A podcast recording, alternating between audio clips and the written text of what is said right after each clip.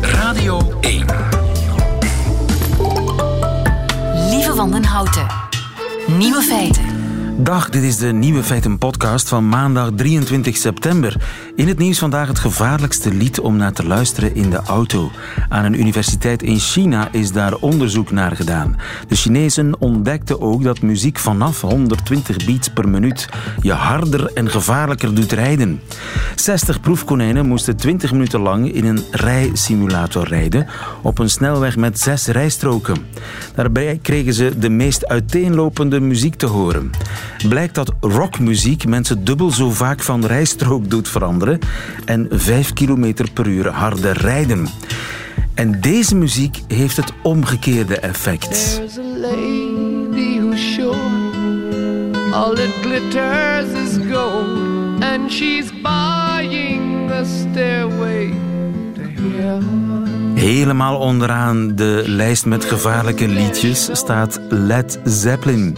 Veel gevaarlijker, op twee, staat dit.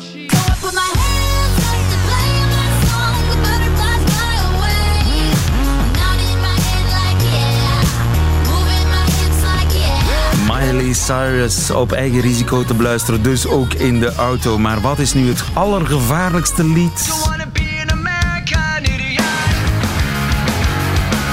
Nooit doen dus. Green Day en American Idiot in de auto beluisteren. De andere nieuwe feiten vandaag. Er moeten gestandaardiseerde examens komen in het middelbaar onderwijs, zegt pedagoog Pedro de Bruikere, om de latere studiekeuze makkelijker te maken. Hippe vogels borduren tegenwoordig. In Parijs praat iedereen over het proces tegen extreem linkspoliticus Mélenchon. En stofnesten lijken alleen maar grijs. De nieuwe feiten van Hugo Matthijssen hoort u in zijn middagjournaal. Veel plezier. Feiten. Vandaag start het academiejaar en het wordt steeds minder waarschijnlijk dat uw oogappel zijn of haar studies binnen de vooropgestelde tijd afrondt.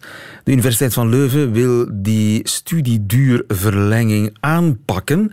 Dat uh, zei rector Luc Sels vanochtend in de ochtend. We willen daarop ingrijpen, onder meer door een betere indicatie te geven bij de start van de opleiding. Daarvoor willen we zelf uh, werken met eikingstoetsen, met eikingsproeven, die we zelf ontwikkelen. Maar we weten, onder andere uit onderzoek van de Universiteit Hasselt, dat als je dat combineert met indicatoren van inderdaad het gemiddelde uh, percentage uit het middelbaar onderwijs, maar vooral ook de inhoudelijke aansluiting van de vooropleiding in het secundair onderwijs op de geambieerde universitaire studie dat je dan toch al een hele goede richtingaanwijzer hebt. Ja, Luc, zelfs uh, vanmorgen in de ochtend bij je inschrijving op de universiteit zou je dus binnenkort niet alleen je diploma moeten voorleggen van het middelbaar onderwijs, maar ook je rapport. Pedro de Bruiker, een goedemiddag. Een goedemiddag. Pedro, jij bent onze huispedagoog, mag ik toch wel zeggen. Uh, vind je dat een goed idee? Um, ik snap waar het vandaan komt. Uh, we hebben een, een hele bijzondere situatie in Vlaanderen, die quasi uniek is in de wereld. Aha. Namelijk, um, wij moeten wel een richting kiezen in het secundair onderwijs rond 13, 14 jaar. Maar op het einde van de rit, op het einde van het secundair onderwijs, kan bijna iedereen gelijk wat studeren in het hoger onderwijs. Er zijn geen beperkingen, nauwelijks er zijn beperkingen. Heel, er zijn nauwelijks beperkingen. En dat is uniek. Dat is behoorlijk uniek. Bijvoorbeeld in andere landen kan het zijn dat je wel later in het secundair onderwijs een keuze maakt, maar dat je bijvoorbeeld, als je geschiedenis wil studeren, goede punt moet halen voor een soort van centraal examen voor geschiedenis. En dat er in feite veel meer beperkingen zijn voor dan later verder te studeren. Of dat er ook toegangsexamens zijn. En zo gebeuren er ongelukken, worden er foute studiekeuzes gemaakt, uh, gaat er kostbare tijd verloren en kostbare belastingcenten. Want uh, ja, studenten beginnen aan de verkeerde richting. En daar willen ze in Leuven iets aan doen door, in je, rap, door, door je, je, je rapport te laten meewegen in de beslissing of je al dan niet deze of gene studierichting mag beginnen. Dat klopt, maar daar ben ik zelf een beetje voorzichtig mee. Oei. Omdat we ook op een ander vlak vrij uniek zijn. We hebben geen centrale examens. Ik zelf ben niet een grote voorstander van centrale examens, maar sommige mensen hebben daar heel goede argumenten voor. Maar vandaag, ja, de punten van de ene school kun je zeer moeilijk vergelijken met de punten van een andere school. Ja, de ene school is streng, de andere heel makkelijk. 10 punten in school X betekent misschien maar 7 in school Y. Ja, en dus we weten dat de verschillen tussen scholen in Vlaanderen, zeker in het secundair onderwijs, dat blijkt onder andere uit PISA-onderzoek, dat die heel groot kunnen zijn. Dus wat zegt dat gemiddelde? Dat zegt hier weer wat minder. Nu, het is een publiek geheim dat hogescholen en universiteiten meestal vrij goed kunnen inschatten als iemand van een bepaalde school komt, welke slaagkansen die hebben. Ja, maar ook daar zit dan wel iets arbitrairs in, hè? Klopt. En het grote publiek weet dat veel minder. Ja. Dus een centraal examen is de oplossing. Dat is objectief en voor iedereen hetzelfde. Wel, heel vaak worden er twee dingen op één en dezelfde hoop gegooid, maar moet die uit elkaar halen. Aan de ene kant, en dat is een pleidooi dat ondertussen veel mensen hebben, moeten we zorgen dat er meer gestandaardiseerde, valide en betrouwbare toetsen komen. Waardoor dat je in feite weet wat dat je meet en dat je een vergelijkingsbasis hebt. Wie dat die gevalideerde en gestandaardiseerde betrouwbare toetsen moet organiseren, dat is een andere discussie. Moet die van de overheid komen? Moet die van de school komen? Dat is een andere vraag. Maar dat we in feite een betere vergelijkingsbasis nodig hebben, ja, ik denk dat, dat wel een, daar wel een punt voor te maken valt. Maar er is dus een verschil tussen een centraal examen en gestandaardiseerde examens waar een school nog een zekere vrijheid in krijgt of zo? Wel, bijvoorbeeld gestandaardiseerd. Ik heb zelf met mijn hogeschool, Artelde Hogeschool, hebben wij een gestandaardiseerde toets gemaakt om te meten uh, hoeveel Engels leerlingen al kunnen voordat ze de eerste les Engels gaan starten. Zodat de leerkracht kan weten waar is het niveau, wat is het niveau van die verschillende leerlingen. Dat is een, een gestandaardiseerde toets. Die is heel duidelijk, dat geeft duidelijke informatie. Je kan ook leerlingen objectief vergelijken, maar dat is niet centraal georganiseerd. In Frankrijk heb je bijvoorbeeld centrale examens, maar er wordt er door wetenschappers serieuze vragen gesteld omdat de vergelijkingsbasis daar veel kleiner is. Dus dat zijn geen synoniemen, maar die worden vaak in één adem genoemd. Ja, het verschil is mij nog niet helemaal duidelijk. Waar is het echt het precieze verschil dan? Is het ene door, door de overheid, door ambtenaren opgesteld en het andere niet? Nee, Kijk, een gestandaardiseerde toets, een gestandaardiseerde test, dat is iets waarvan we weten, als je dat vandaag nee, afneemt, dan weet je wat je meet. En dan is dat heel duidelijk. En ook als iemand anders die test afneemt, zal je hetzelfde resultaat hebben. In feite zouden zoveel mogelijk evaluatiemomenten, toetsmomenten in onderwijs zo gestandaardiseerd kunnen zijn, zodat je weet van dat is hier betrouwbaar, dat is hier degelijk. Dan heb je ook centrale examens, en die worden heel, in heel veel landen op het einde van een schoolloopbaan afgenomen. Bijvoorbeeld op het einde van het lager onderwijs, op het einde van het middelbaar onderwijs. En dat heeft dan meer een functie van, kijk, hier gaan we beslissen hoe iemand slaagt. En we laten dat niet alleen over aan de leerkrachten, maar we gaan daar ook een, een onafhankelijke beoordeling laten in meetellen. En die kunnen dan centraal georganiseerd worden door de overheid of bijvoorbeeld in Nederland, de overheid zegt je moet een centraal examen hebben. En die hebben dat dan gegeven aan verschillende bedrijven. En bijvoorbeeld in Nederland kiezen veel scholen voor CITO.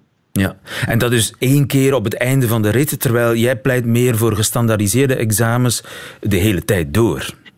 Ja, eh, daarom ook daar zit het verschil. Ik bedoel, op het einde van de rit heb je één moment. En uh, Jan van Hoof, uh, professor van de Universiteit van Antwerpen, zei: Ja, dan kun je dat meer vergelijken met een soort van autopsieverslag. Terwijl dat veel belangrijker is dat je die testen gebruikt door geen alles heen om die leerling te begeleiden. Maar dat is een andere discussie dan wat Luc Sels vandaag aankaart. Dat is, we moeten maken dat mensen zeer goede keuzes maken. Dat ze in feite een goede oriëntering krijgen. En daar kunnen dan dergelijke toetsen al dan niet op het einde, wel degelijk een, een meerwaarde betekenen. Ja, maar ik uh, beluister toch enige uh, goedkeuring bij het idee van uh, de rector van de Universiteit van Leuven in jouw verhaal. Dankjewel. Genuanceerd. Genuanceerde goedkeuring. Zo, daar zijn we blij mee. Dankjewel, Pedro de Bruikere. Goedemiddag. Nieuwe feiten. Coucou de France. Met Alex Visorek. Hoe zou de sfeer intussen zijn in Frankrijk? Dat weet onze landgenoot en mijn collega bij Radio France, Alex Visorek. Goedemiddag, Alex. Goedemiddag, lieven. De weken gaan voorbij en ze lijken op elkaar. Want deze week zal ik het net zoals vorige week hebben over een rechtszaak rond een belangrijke politieke figuur. Vorige week waren we alle ogen gericht op de rechtse Patrick Balkany in de gevangenis. En deze week zijn alle ogen gericht op de extreem linkse Jean-Luc Mélenchon. Aha. Enfin, eerder alle oren dan alle ogen. Want Mélenchon is dus de leider van uiterst linkse partij La France Insoumise, maar volgens hemzelf is hij vooral de leider van de nieuwe Franse revolutie. Want hij heeft grote ambities, maar er is ook nog iets groters dan zijn ambities Oh ja? en dat is zijn ego. En de grootte van zijn ego is proportioneel aan het aantal decibels waarmee hij soms spreekt. Dat is une grande gueule. Une grande gueule. Frankrijk. Een, Een grote bek, bek. inderdaad. Ja. eh, En daarom moest Mélenchon deze week voor de rechtbank verschijnen, omdat er één jaar geleden een huiszoeking was bij de zetel van zijn partij. En tegen een politieman die de deur tegenhield, verloor Mélenchon een beetje van zijn kalmte. La République, c'est moi C'est moi qui suis parlementaire Poussez-vous de là, ouvrez-moi cette porte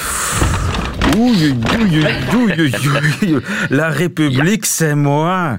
Een beetje Louis. XIV achterna, als het ware. Ja, of Judge Dredd, I am the law. Ze eh, geraakten uiteindelijk binnen, maar de sfeer werd er niet beter op. En dat kun je horen aan de stem van secretaris-generaal van La France Insoumise, Alexis Corbière. Vous avez fait faire ça avec ma je vous dis Alors vous touchez pas à personne Monsieur, je vous l'ai dit Je vous l'ai dit qu'il était violent Monsieur Corbière Ouais, non mais oh On touche pas aux camarades Touche pas un camarade. Blijf Je van... mag geen kameraad aanraken. afblijven. Maar je mag vooral geen politieman aanraken, lieven. En vooral niet zo tegen hem roepen. Daarom zaten Mélenchon, Corbière en nog vier andere kameraden deze week in de rechtbank wegens acte d'intimidation contre l'autorité judiciaire, rébellion et provocation.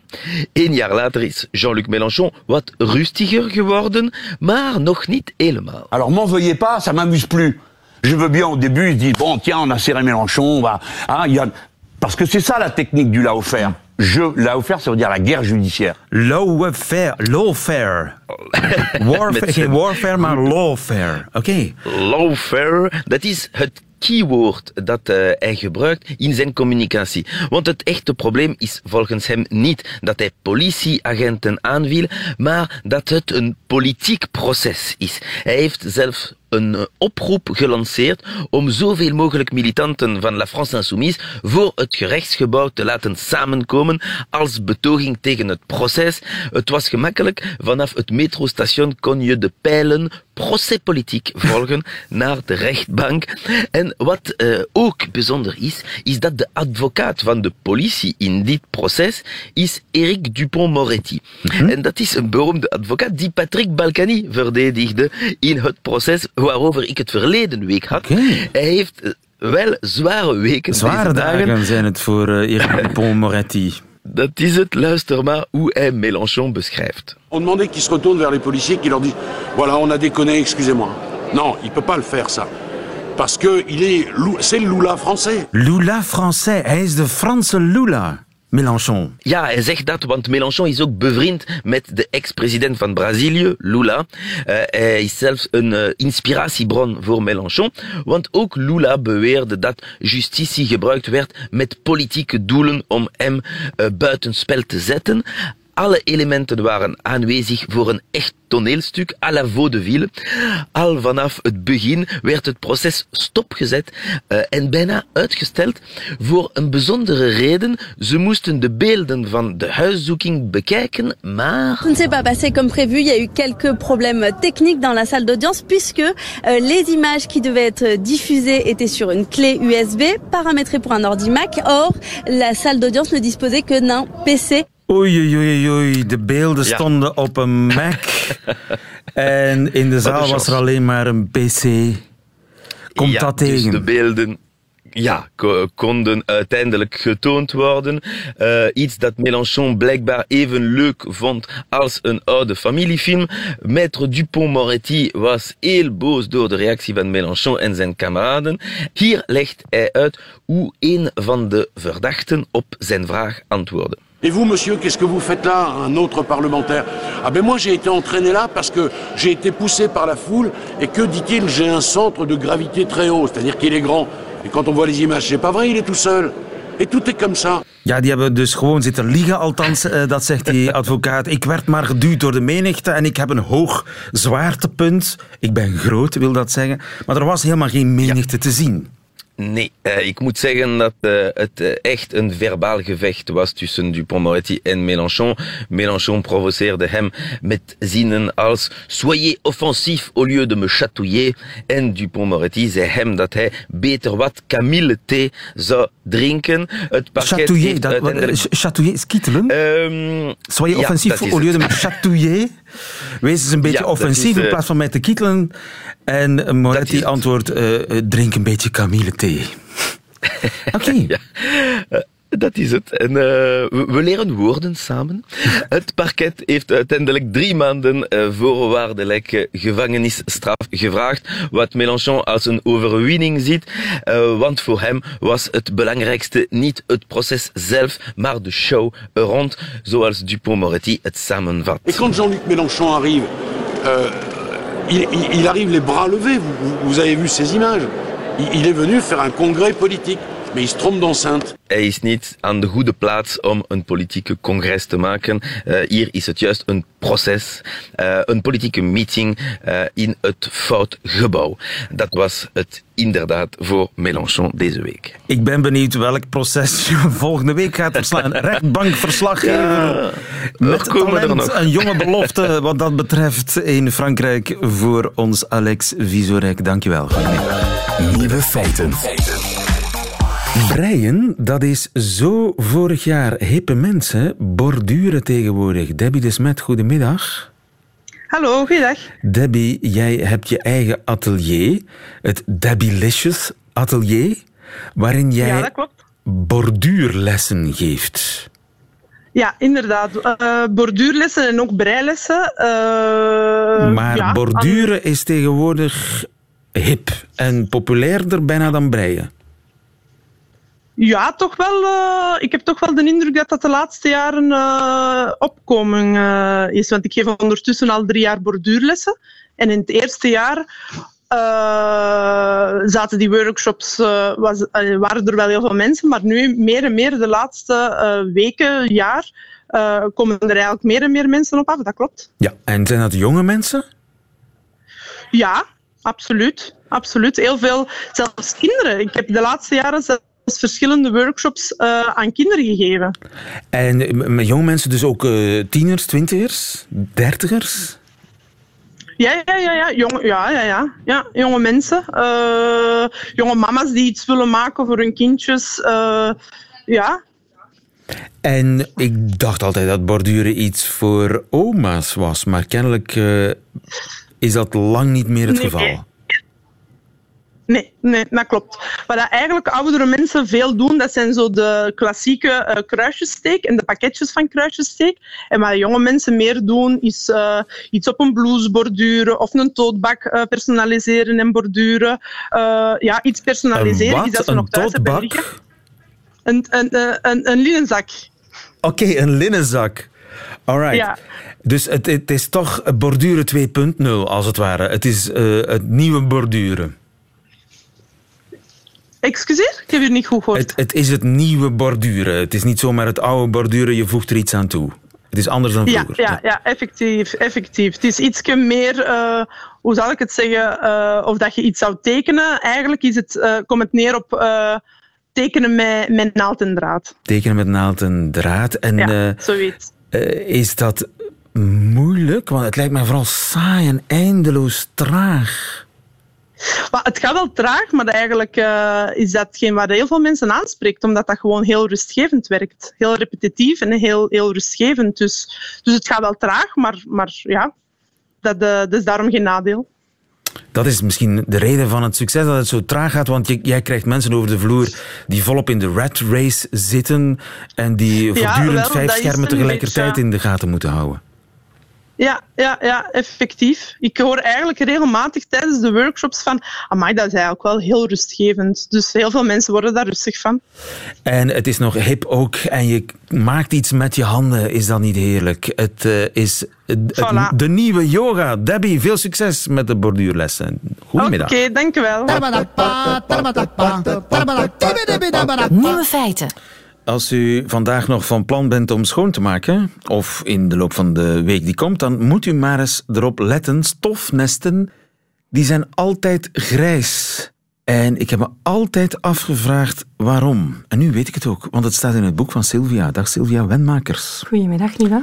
Je bent dokter in de fysica, wetenschapsfilosofe en auteur van een boek over de wetenschap achter heel veel gewone dingen.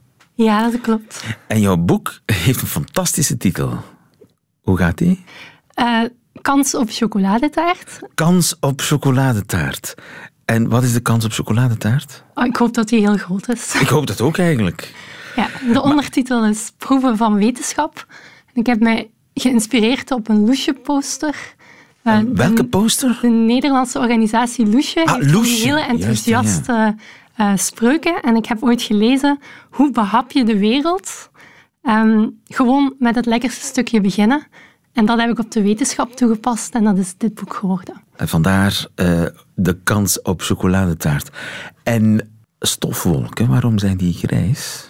Wel, eh, stof is eigenlijk een verzamelnaam van allerhande kleine deeltjes. Het is niet echt een wetenschappelijke term, want het is een amalgaam van textielvezels en dode micro-insecten en zo verder. Maar het is vooral omdat het allemaal verschillende kleuren kan hebben. Als je kleuren mengt, misschien herinner je je van vroeger als je met waterverf in een potje water al die verschillende kleuren bij elkaar brengt, krijg je ook zo'n niet gedefinieerde bruinige grijze kleur.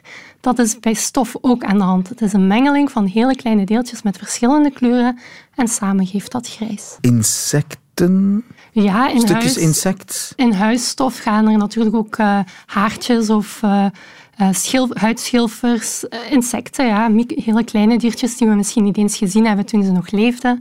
Huisstofmijt, dat zit er allemaal in. Pollen, assen en zo verder. Ja, en die hebben allemaal verschillende kleuren. Alles samen vormen die een soort onbestemde kleur, Ja. zijn de grijs. En het, het is in, in dat soort dingen dat jij gespecialiseerd bent, de wetenschap achter gewone dingen. Hoe ben je daar...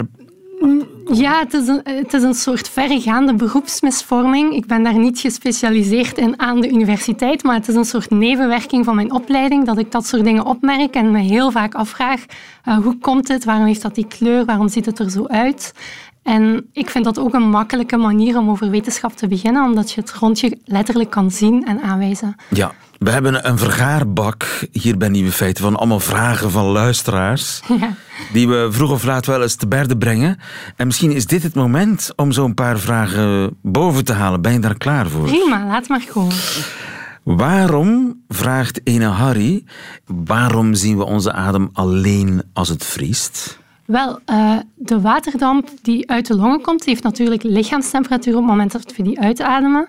En wat, wat er gebeurt als het vriest, is dat die waterdamp condenseert. Daardoor zien we het. Terwijl als de temperatuur... Condenseer, dat wordt damp. Ja, zoals je ook ziet als je eh, bijvoorbeeld eh, een, een, een niet verwarmde spiegel hebt en je neemt een douche, dan wordt de damp vloeibaar. Dus het, het, ja, het gaat over van fase van, eh, van, van gas, wat je niet ziet, naar de druppels die zich vormen op de spiegel. Dus dat is de condensatie, het vast.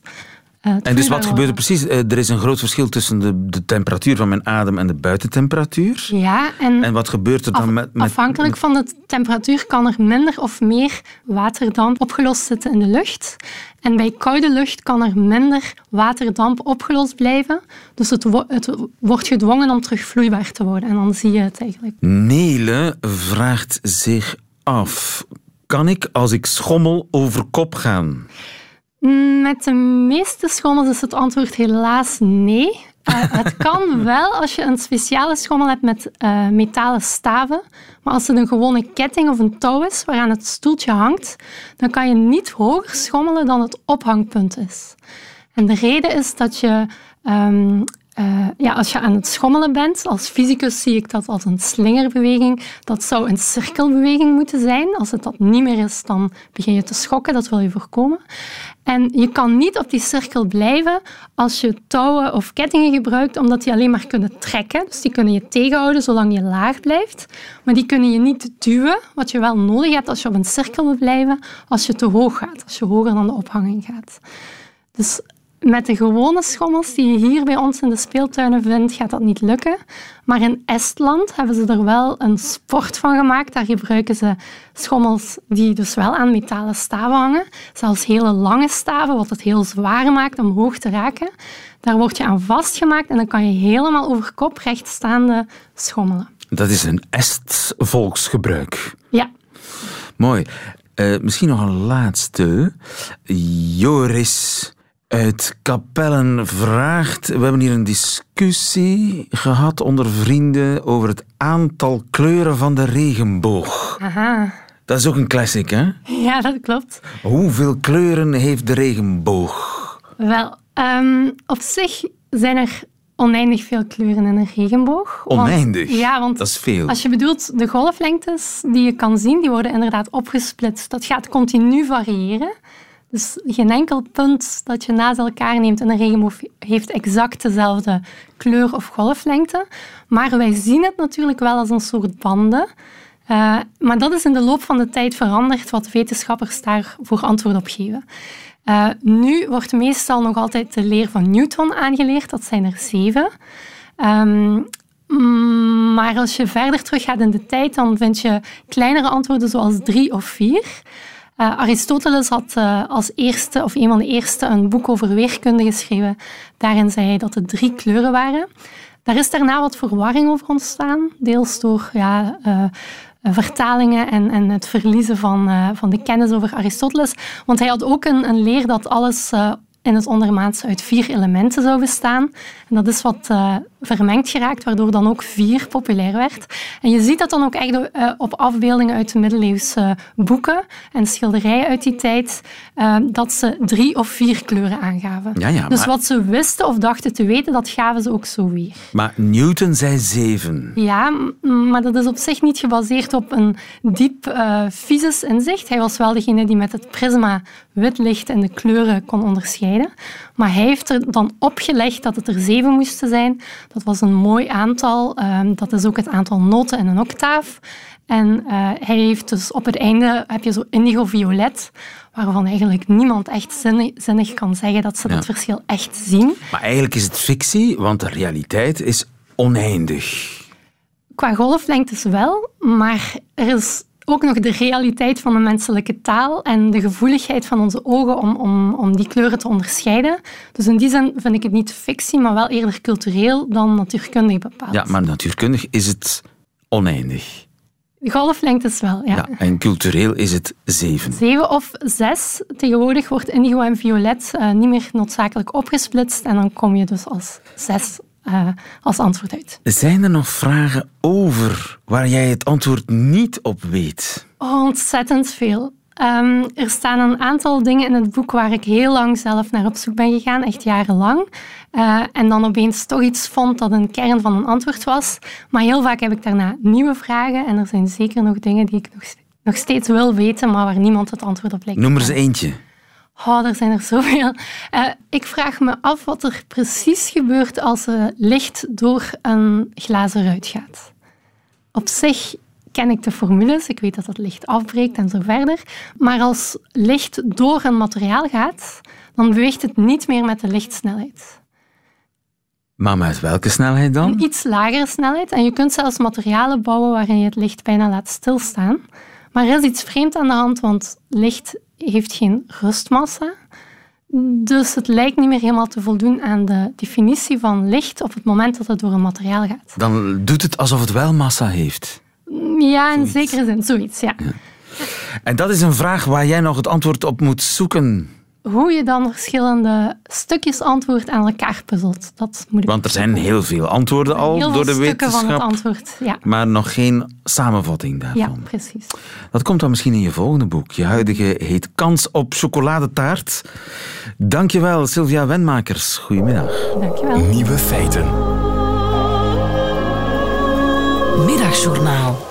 Ik bevond mij vorige week, nog mooi weer en zo, in het centrum van Antwerpen toen ik door een oudere man werd aangesproken met de woorden: Daar ze, Blankenbergen. Ja, ja, Blankenbergen toch, hè?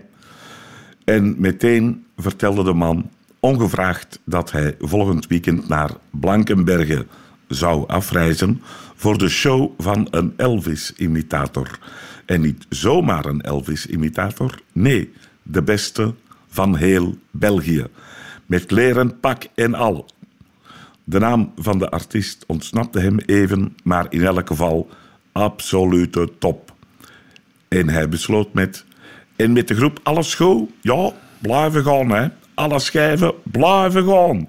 Daarop keerde hij mij met een hartelijk yo de rug toe en verdween. Ik voelde even de neiging om hem achterna te lopen en hem voor te stellen om eventueel met z'n tweeën naar Blankenbergen af te reizen. Want ik dacht, een Elvis-imitator. Ach ja, waarom niet? Pakweg, Luc Tuymans zou daar vast een hoop interessante dingen over kunnen vertellen. Het citeren, de ironie, eh, het spel met de identiteit, eh, de gelaagdheid, iconische beelden, pop-art, popcultuur. Eh, misschien nog een linkje met het eh, Venetië van de 18e eeuw en dan nog uiteraard de hele postmoderne zwik. En zou je bovendien niet kunnen stellen dat Tuymans zelf ook een soort Elvis-imitator is? Als je goed naar zijn schilderijen kijkt.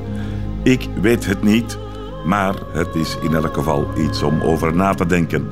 En als u daar geen tijd voor heeft, kan u misschien even naar Clara bellen met een vraag of ze daar niemand in huis hebben die daar de nodige doordachte kanttekeningen bij kan maken. Tot morgen.